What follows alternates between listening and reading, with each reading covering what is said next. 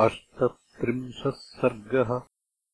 ताम् कथाम् कौशिको रामे निवेद्य कुशिकात्मजः पुनरेवापरम् वाक्यम् काकुत्स्थमिदमब्रवीत् अयोध्याधिपतिः पूरः पूर्वमासीन्नराधिपः सगरो नाम धर्मात्मा प्रजाकामस्त चाप्रजः वैदर्भदुहिता रामकेशिनी नाम नामतः ज्येष्ठा सगरपत्नी सा धर्मिष्ठा सत्यवादिनी। अरिष्टनेमि दुहिता रोमेणाप्रतिमा भुवि। द्वितीया सगरस्यासी पत्नी सुमतिसंज्ञिता। ताभ्याम् सह ततो राजा पत्नीभ्याम् तप्तवाम् तपः। हिमवन्तम् समासाद्य भृगुप्रस्रवणे गिरौ। अथ वर्षशते पूर्णे तपसाराधितो मुनिः सगराय वरम् प्रादात् भृगुः सत्यवताम् वरः। अपत्यलाभः सुमहान् भविष्यति तवानघ। कीर्तिम् चाप्रतिमाम् लोके प्राप्यसे पुरुषर्षभ। एका जनयिता तात पुत्रम् वंशकरम् तव षष्टिम् पुत्रसहस्राणि अपराजनयिष्यति।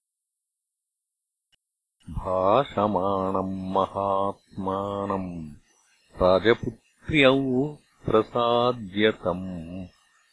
ऊचतु परमप्रीते कृताञ्जलिपुटे तदा। एकः कस्यास्तुतो ब्रह्मन् का बहून् जनयिष्यति। श्रोतुमिच्छावहे ब्रह्मन्। सत्यमस्तु वचस्तव। तयोस्तद्वचनम् श्रुत्वा भृगुः परमधार्मिकः। उवाच परमाम् वाणीम् स्वच्छन्दोऽत्रविधीयताम् एको वंशकरो वास्तु बहवो वा महाबलाः। कीर्तिमन्तो महोत्साहा का वा कम् वरमिच्छति।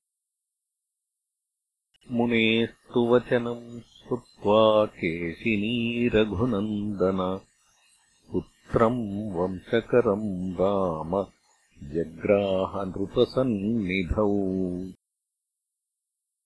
षष्टिम् पुत्रसहस्राणि सुपर्णभगिनी तदा। महोत्साहान् कीर्तिमतो। जग्राहसुमतिः सुतान्।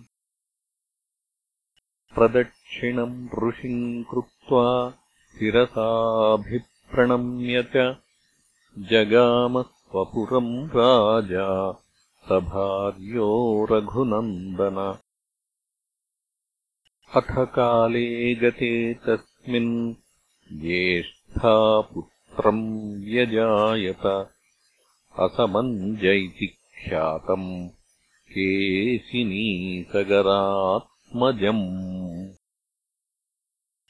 सुमतिस्तु नरव्याघ्र गर्भतुम्बम् व्यजायत षष्टिः पुत्राः सहस्राणि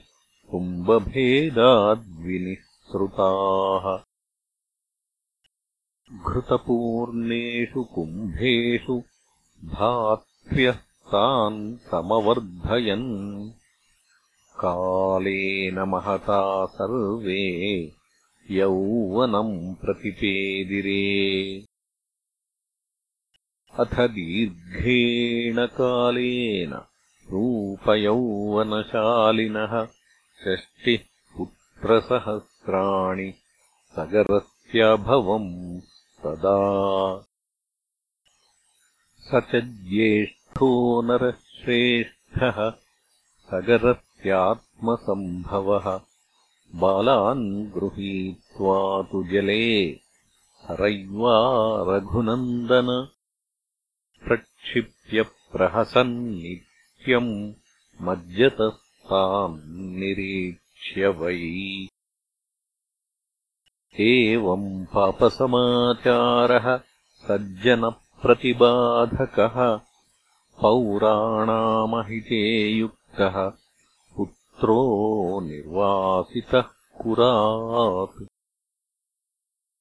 तस्य पुत्रोऽंशुमान् नाम असमञ्जस्यवीर्यवान् सम्मतः सर्वलोकस्य सर्वस्यापि प्रियम् वदः।